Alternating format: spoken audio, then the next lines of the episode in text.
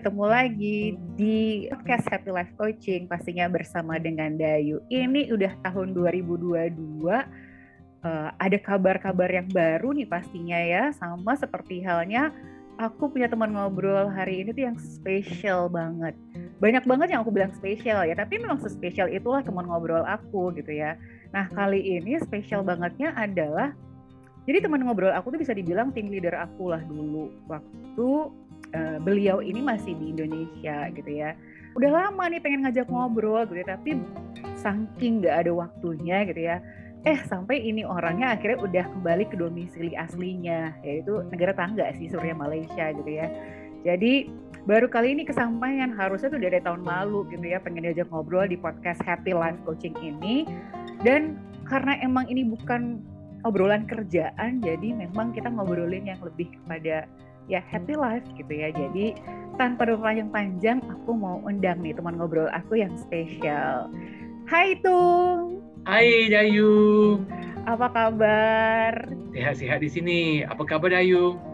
Tung udah lama banget nih. Harusnya dari tahun lalu nih kita ngobrol. Jadi gimana? Sesudah dari Indonesia uh, yang berbeda? Ke apa beda? Masih rindu lagi sih di Indonesia makanan makanannya orang-orangnya dan juga paling pentingnya ialah serasa di Indonesia yang paling pengen sekali maunya ketemu ialah teman-teman di situ kantor bau pun di luar jadi teman-teman yang uh, mungkin kalau misalnya teman-teman podcast yang dengar yang se sekantor sama kita sih tahu gitu ya. Tapi buat yang belum tahu, jadi Tung ini tuh memang warga negara Malaysia, tapi beberapa tahun belakangan ini ada di Indonesia. Jadi kita bekerja di satu perusahaan yang sama gitu ya. Uh, Tung kalau boleh tahu tuh jadi sebenarnya uh, kalau pengen maksudnya bukan ngomongin kerjaannya gitu ya, tapi waktu itu gimana sih akhirnya mau dipindahin ke Indonesia eh, Jakarta lah spesial ya khususnya. Berapa tahun yang lalu tuh? Terus kenapa ah, mau sih? Waktu itu sebelum pandemik sih. Nah kali pertama dapat tahu akan pindah ke Jakarta, wah rasanya happy banget. Kenapa happy? Sebab sekurang-kurangnya kita tahu diguna bahawa di Indonesia kan masih menggunakan bahasa kan bahasa yang setahu saya saya tak tahu bahasa Indonesia, tapi tahu je bahasa Melayu. Tapi mereka kan pernah bilang kalau bahasa Melayu dan bahasa Indonesia adalah kurang lebih dikit-dikit yang sama. Sekurang-kurangnya enggaklah begitu susah untuk komunikasi kan. Justru itu happy banget dan juga rasa budaya, makanan segala macam pun adalah persamaan mirip-mirip dekat Malaysia. Justru itu saya rasa wah senang dan betul-betul look forward sih waktu itu nak datang ke Indonesia. Hmm, emang kalau misalnya tadi kan uh, ngomongnya uh, apa makanan gitu ya, terus uh, culture-nya, memang kesan pertamanya ini pertama kali ke Jakarta nggak sih atau udah pernah? Oh sebelumnya tak pernah sih. Uh, kali pertama ke Indonesia ialah ke Solo. Waktu itu nak ke Borobudur. Nah, oh. dan Malaysia dulu ada eh, Asia kan, dia kata everyone can fly. Jadi yeah, itu yeah, yeah, pertama kat situ. Jadi Jakarta kali pertama. Hmm, oke okay, oke. Okay. Mungkin kalau misalnya ke Solo pas itu tuh pas liburan aja ya kali ya. Iya benar, liburan aja. Nah itu tapi sebenarnya kalau misalnya you say that the culture is almost the same, terus makanannya juga, memang makanan-makanan yang udah uh, yang udah disuka apa, yang udah dikenal apa, terus culture-nya yang paling berkesan apa memangnya? Ha, kalau makanan yang udah ditahu, nah sebelum itu kan uh, misalnya makanan kegemaran saya itu tempe. Kalau di Malaysia pun ada tempe kan. Nah datang ke Indonesia, wah tempenya lagi enak sih sebenarnya. Lah tiap hari makan tempe. Nah kalau kita kan pagi-pagi kalau Malaysia biasa dah makan nasi kan. Kadang-kadang makan mie. Ah, mungkin ke negara lain berbeza-beza kan. Tapi kalau Indonesia sama juga. Saya rasa pagi-pagi kalau nak cari nasi tu senang lah tak susah nak beli kan makanan makanan mie segala macam tu saya rasa itu sebab Kering. kalau sambal semua tu kan kurang lebih sama lah dari segi hmm. makanannya jadi untuk adjust tu enggak susah banget nah, ah, I see I see tapi ada ada makanan yang benar-benar baru nggak sih terus yang finally oh akhirnya ini makanan baru terus aku jadi suka juga ada nggak sih kalau makanan-makanan yang baru di Indonesia, kalau okey mungkin berbeza ya. Mungkin misalnya sate, ha, kan ah. sate kan. Ha, kalau di Malaysia sate ada, tapi kalau rasa sate di Indonesia berbeza, terutamanya dengan saus kacang dia tu kan berbeza banget. Kalau di Indonesia aku rasa saus kacangnya macam-macam pita butter sih. Ha, jadi yeah, yeah, rasanya yeah. iya, it's very different. Justru tu dah mulalah jatuh cinta dengan sate di Indonesia. Uh, selain sate apa? Selain sate, kalau tanya saya di Indonesia banyak juga. Nah, bakso. Ah, nah, bakso kan okay, sini okay. berbeza kan. Kalau di Malaysia rasa nggak ada namanya bakso. Biasanya panggil berbola ikan, berbola daging tu aja kan. Tapi di sini kan namanya berbeza kan.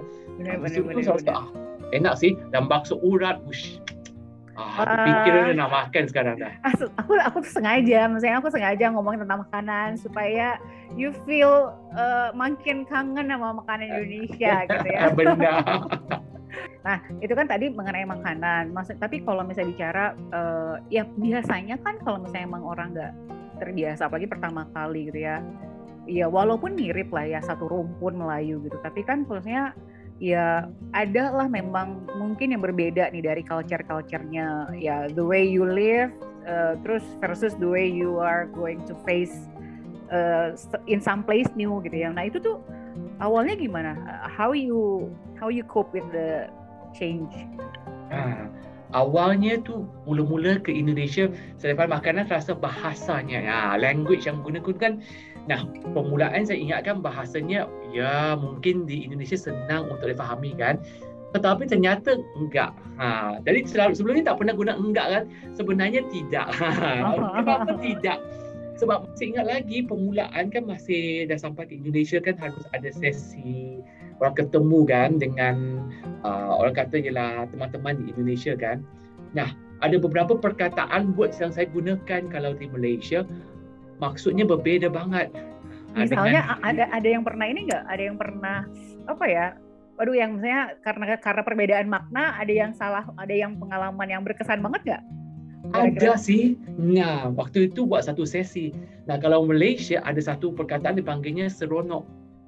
Nah, kalau di seronok di Malaysia, maksud seronok ialah happy, gembira, Nah, kalau dengan anak-anak kecil nadi, kalau Indonesia panggil anak-anak kan, dia, kalau Malaysia dia panggil kanak-kanak. Kalau kanak-kanak kita biasanya tanya dia, seronok tak kamu semua makan misalnya aiskrim? Ah. Kita tanya seronok atau tidak.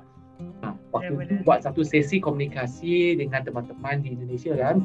Terus-terus saya langsung dia tanya, teman-teman semua seronok tak? Seronok tak? Nah justru itu semuanya hanya ketawa-ketawa. Lepas tu saya pun bingung jadinya. Kenapa ya? Apa salahnya? Lepas tu baru dijelaskannya ialah kalau seronok Indonesia bermaksudnya seksi. Jadi maksudnya berbeza. Dan senonoh gitu ya. Ya betul. Justru aku pun belajar. Oh rupa-rupanya walaupun perkataan yang sama tapi kalau digunakan di konteksnya di Indonesia maksudnya berbeza banget. Justru tu kena belajar, kena berhati-hati sih. Setiap kali nak gunakan ini benar dekat aku tanya teman-teman, oh ini benar, baru saya benar kita nak gunakannya. Jadi dari segi perkataan, jadi bahasanya mungkin sama tetapi pemahamannya berbeza. Ha, dan selain daripada itu ada satu lagi. Misalnya kalau di Indonesia ialah temu janji ke janji temu? Janji temu. Janji temu kalau di Malaysia ialah temu janji. Ha. Ah. Jadi kan benda perkataan yang sama tapi terbalik.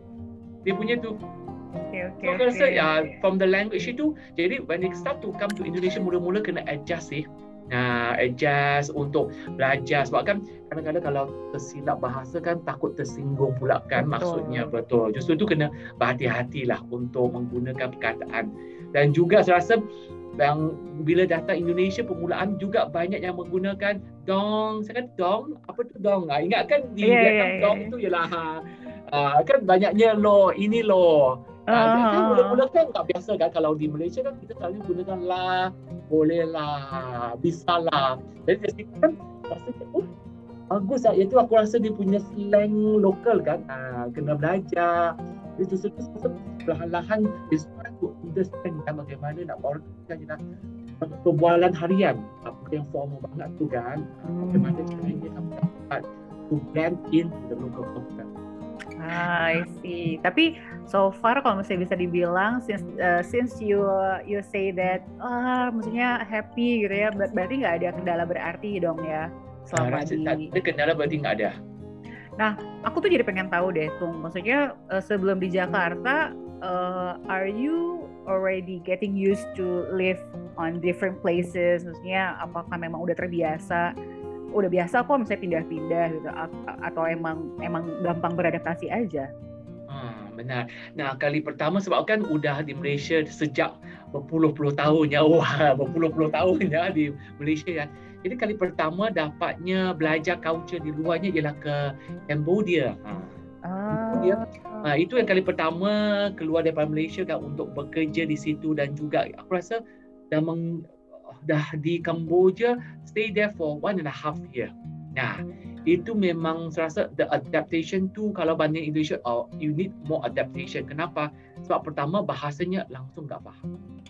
Langsung tak faham dan juga bahasa tulisannya pun tak faham. Kalau sekurang-kurangnya bahasa Indonesia, bahasa Melayu kan pertama mirip-mirip kan. Di situ ni macam bahasa Thai. Ditulis pun ABCD dia enggak dapat kelihatan kan. Justru itu aku masih ingat kalau nak order makanan di luar tu kan biasanya pergi mana dong? Pergi si uh, fast food restaurant, KFC, McDonald's supaya aman dan tahu kan. Kau tunjuk aja, okey aku mau burger ini, tak tahu bahasa kan. Main tunjuk uh-huh. one. tu justru tu saya rasa dari segi adaptation terutamanya di uh, a new place tempat baru di mana bahasanya kita langsung faham dan culture-nya enggak faham langsung kan ya itu tahap permulaannya agak susah. Dengan jujurnya. Ha, sebab kedua sebab kamu tak tahu adakah makanan itu cocok ke tidak. Ha, ketiga juga kita tahu bagaimana orang katanya ialah the the whole uh, orang kata how they actually socialize one one another. Uh, adakah kita over friendly uh, ataupun sampai menakutkan mereka. Mm-hmm. dan uh, saya rasa tu is a process of learning ya pada tahap permulaannya Abis Kamboja pernah ke mana lagi? Lepas ke Kamboja, lepas itu ke Hong Kong. Oke, jadi ada udah pernah di Kamboja, udah di Hong Kong, Malaysia pasti lah ya, terus ya, Indonesia gitu ya. Benar. Uh, lalu, maksudnya yang bikin aku bertanya lagi, apa yang membuat, ya, what what makes you want to live outside your comfort zone lah ya? They say that ya di mana kita berada lama itu kan itu membuat kita nyaman sekali kan, maksudnya ya kalau aku aja mikir-mikir kayaknya aduh kayaknya kalau ke mana tuh kayaknya kan nggak biasa ya. What makes you want to ya embark on that journey lah? Ya misalnya pas ke Kamboja pas ke Hong Kong maksudnya apa sih yang dicari tuh? Ha, saya rasa salah satu yang mau dicari ini adalah is actually to sebab kan kita selalunya okay we are used to what we have sudah biasa kan? Tetapi bila kita letakkan di suatu tempat yang baru a new environment basically you create that kind enthusiasm, energy nak ingin tahu. You wanted to know more. Eh, how does this work like this? Kenapa ya orangnya cara bilangnya gitu? Kenapa dia cara makannya gitu? Kenapa gini-gini? Nah, itu sesuatu saya rasa is very unique and we always say kan, uh, kalau bahasa Melayu ada bilangnya katak di bawah tempurung ya the frog under mm-hmm. the well. Ha, kalau dalam bahasa Inggeris the frog under the well. Biasanya kalau bagi saya kalau dulu di Malaysia kan apa yang aku dapat lihatnya ialah the dunia ini ialah bulat gitu aja. Ha, ini ialah dunia saya. Tetapi apabila kita letakkan di sesuatu tempat yang baru, baru kita belajar, baru kita sedar, oh selama-lamanya ni dunia ni bukan bulat sih. Mungkin segi lima ke, segi empat ke, is a different shape altogether. Nah, from there actually you give you a different kind of like excitement. Then you see that oh, it's like that. And saya rasa yang itu, it actually will help you to be more adaptable. So saya rasa human kita ni kan, to make us more adaptable ialah when we put into a different environment altogether. Nah, of course when we be more belajar untuk adapt, once you get into that, saya rasa kedepannya wherever we go, we will also be able to use skill yang kita sudah belajar sebelum ni to adapt into different different things that we do. Itu bukan aja mungkin dari segi pekerjaan, also how we interact dan segala macam. It's all aspects of our life ya. Yeah. So that's why I think the one that makes me wanted to try new things actually that kind of new excitement. Uh, hmm. Something that is new, you don't know what is that, and you try to understand it better. Hmm, I see.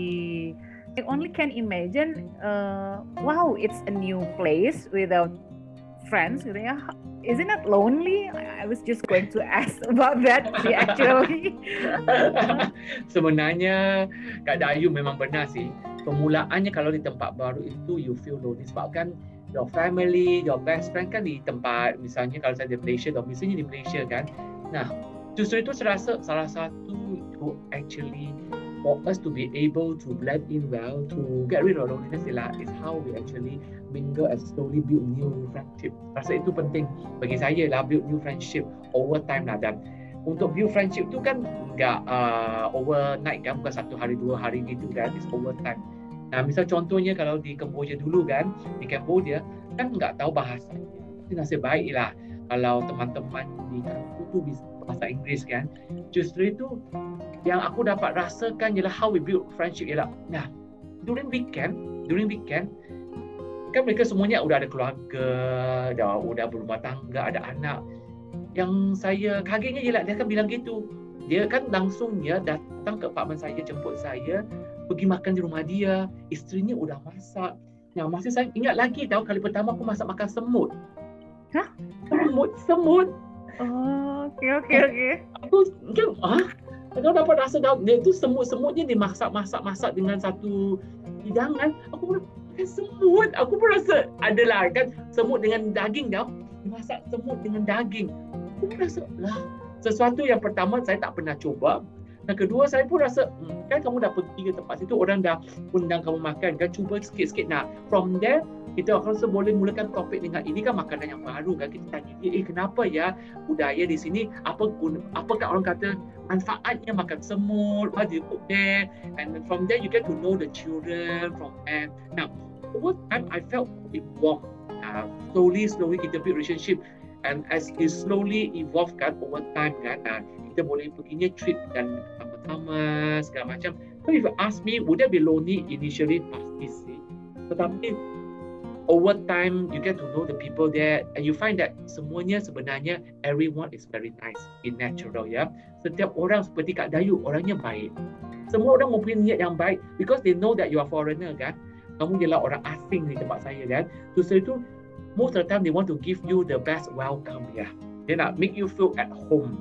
Justru itu dia akan bring you to some local delicacy, local places yang tak pernah pergi tu kan so that you feel customized di situ ya. Masih ingat lagi sebab waktu tu belum lockdown lagi sebelum pandemik kan. Hmm. Uh, justru tu sebelum pandemik aku masih ingat lagi dulu waktu aku mula-mula dipindahkannya ke Cambodia jadi orang yang menjaga saya there's actually uh, local dekat tempat kantor tu kan dia kan bawa saya setiap hari dia kan bawa saya pergi event-event makan-makan tunjuk saya jalan semuanya. Dia kata nah ini tempat tinggal kamu ya.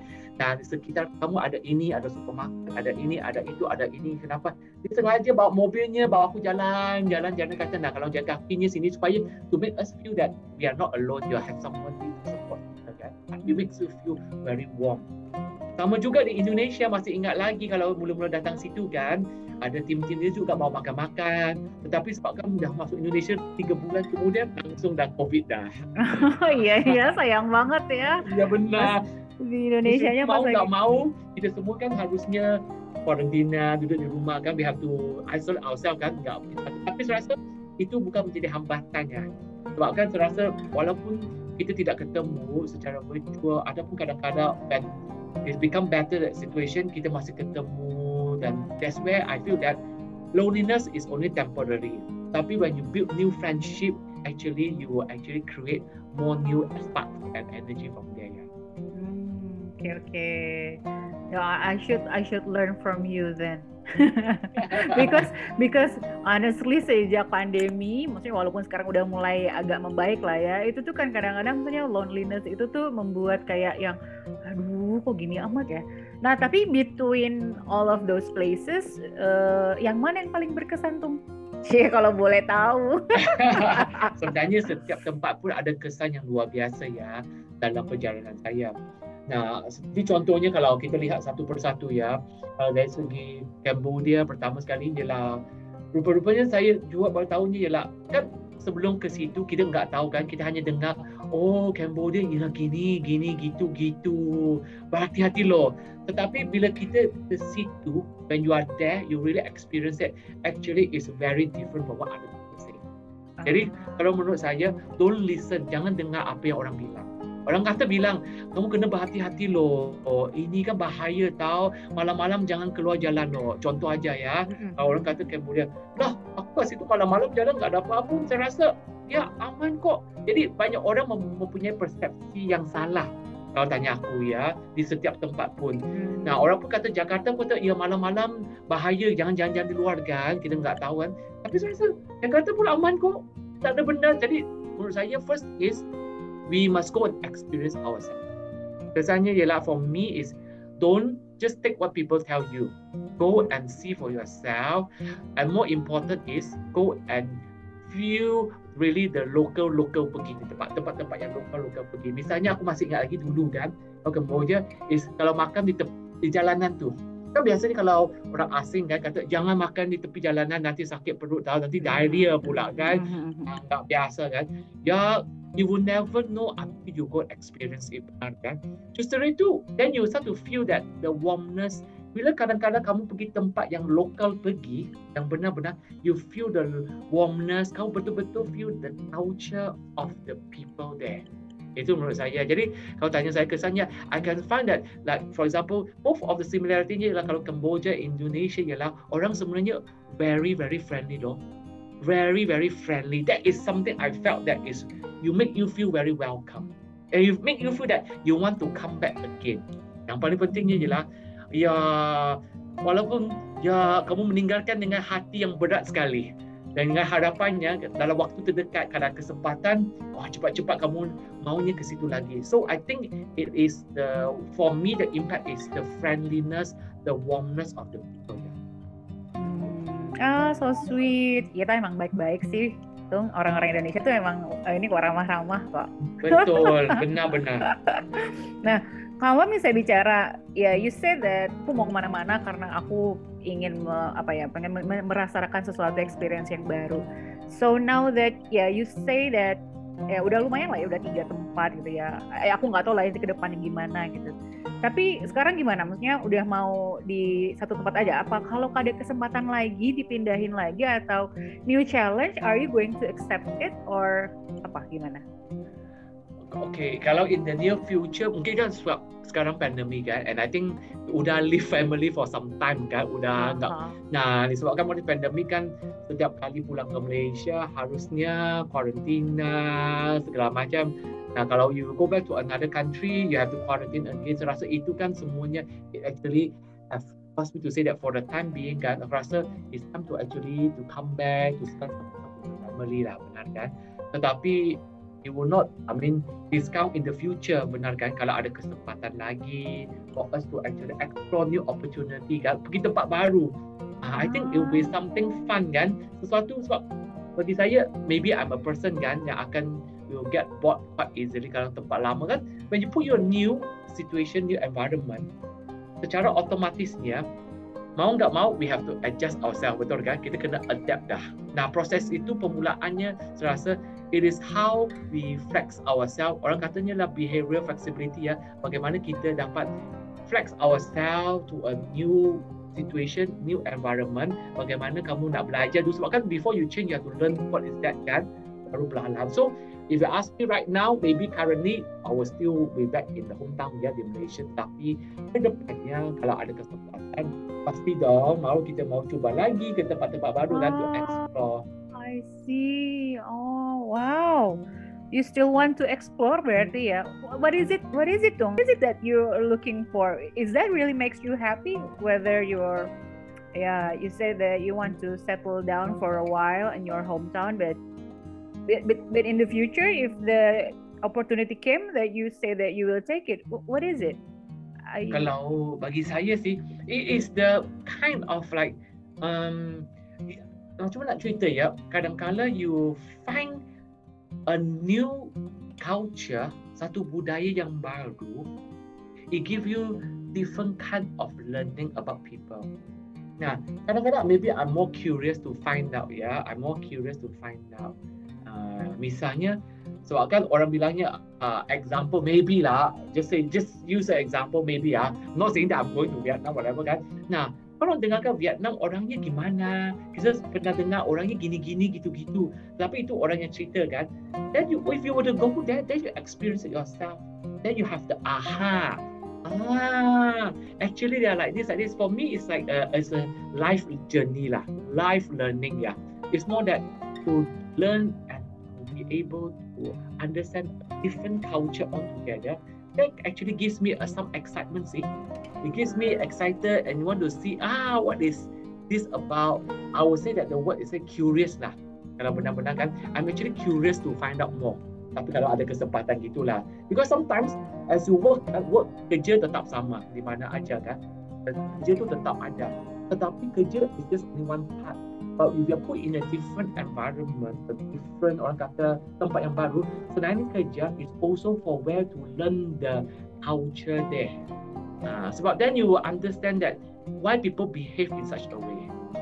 People behave in such a way because of a lot of reasons kan. It can be because of their upbringing ataupun disebabkan oleh the way the the surrounding, how the history, there people there like in last time like Cambodia if you look at the history why people behave think gini di Cambodia kan because they have gone through some histories that actually make them who they are ah that's why I say this is something that personally I felt that orangnya ialah suka explore something some uh, more on the cultural kind of things. Sebab kalau dulu waktu di sekolah-sekolah kan subject favorite saya ialah sejarah. Ah.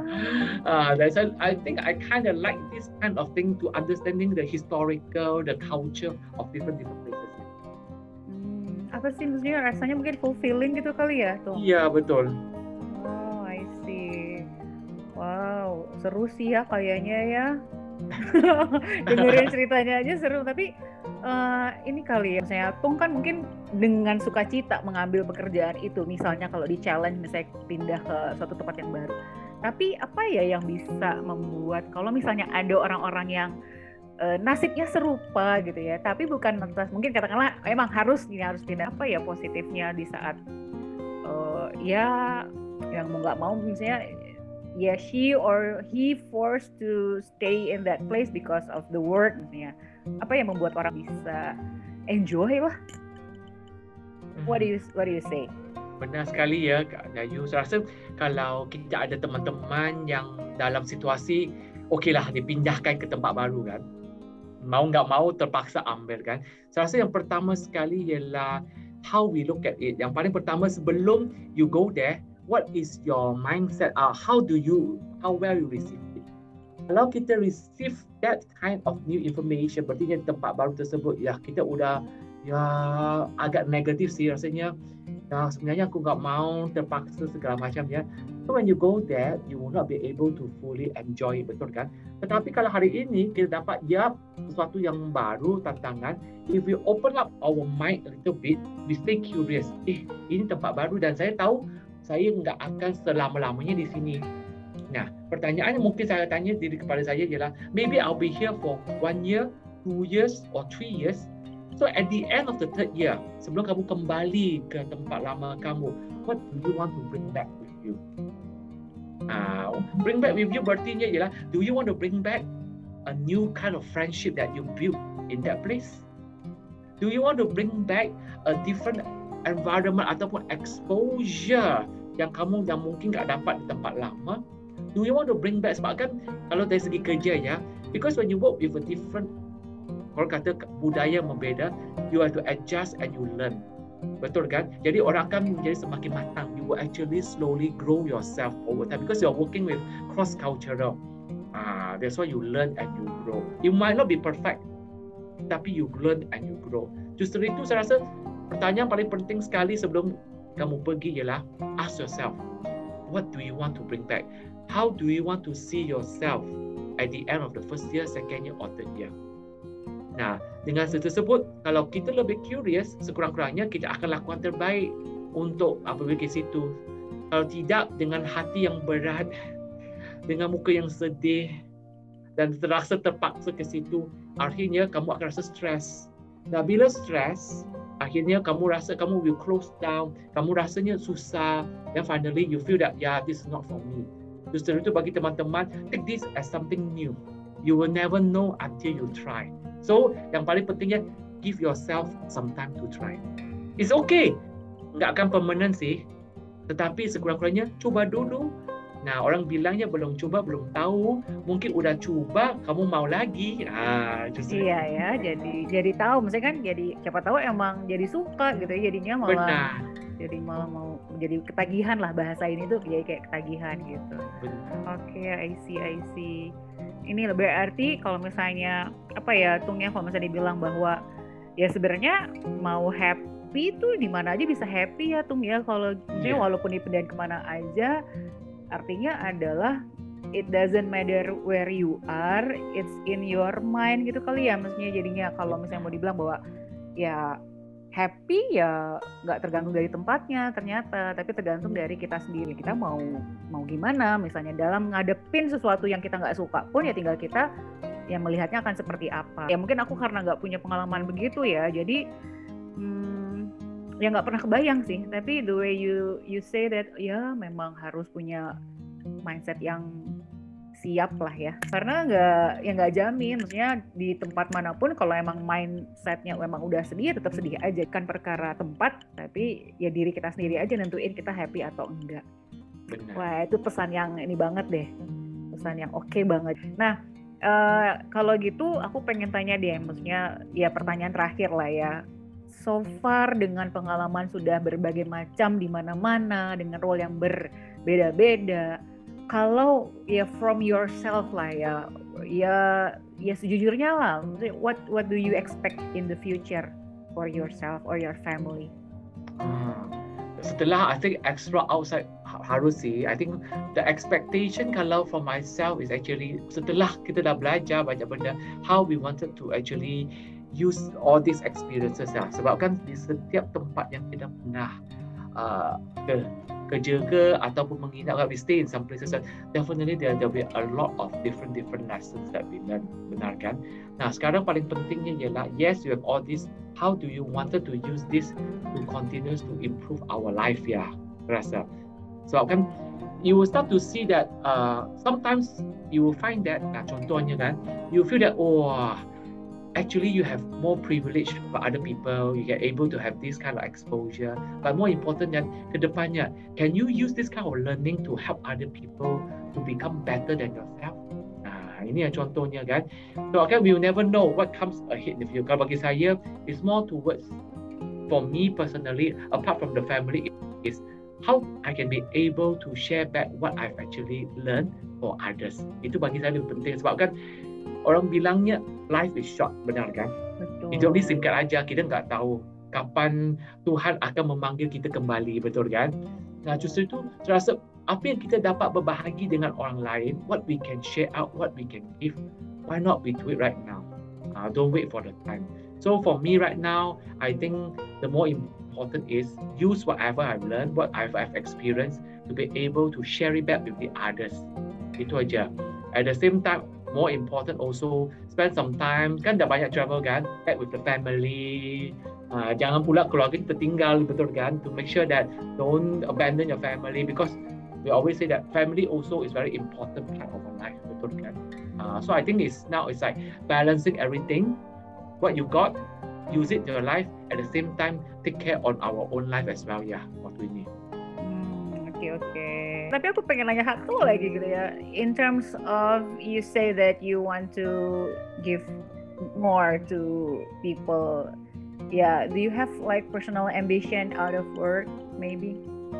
Kalau personal ambition out of work sebenarnya for me dulu kan sebab kan uh, backgroundnya sebagai seorang trainer kan dan sukanya lebih one of the things that yang make me have that sense of achievement fulfillment ialah dapat melihat orang lain grow when you start to see people, other people surrounding you can grow, meaning to say that you have done something. Sometimes it's a tiring process, but you have that kind of achievement now. Now, grownya berarti not necessarily in grow in terms of like monetary or whatever kan. So one of the things that I, I kind of wanted to do in the future ialah more on going back to perhaps provide some free education to the orphanage. This is something in my uh, dream board ya sebab saya rasa kan is actually to do some youth camp sesuatu yang your experience that you learn life experience whatever give it back to people who might in the future benefit from it ya. Oke. Okay. Semoga semua dilancarin harapan-harapannya baik untuk uh, pekerjaan, baik untuk keluarga ataupun tadi itu untuk ya personal ininya lah, personal missionnya lah ya. Ya, aku jadi belajar sesuatu juga dari Tung nih. Terima kasih Kak Dayu. Saya yang banyak belajar daripada Kak Dayu. Bisa aja. Bisa. Oke, okay, oke. Okay. Tung, anyway, thank you so much for having this conversation with me. Semoga yang kita bahas bisa bermanfaat buat setidaknya kita bermanfaat buat aku uh, aku sendiri gitu ya. Terus buat yang lain juga, buat yang mengalami hal yang sama just like you ya experiencing a new world uh, di tempat yang baru. Jadi punya semangat lah ya buat menghadapi misalnya gimana supaya enjoy. Thank you lagi tuh. Terima kasih Have Kak Dayu. nice, salam uh, sukses ya Kak Dayu. Sampai nice ketemu lagi di Jakarta. See you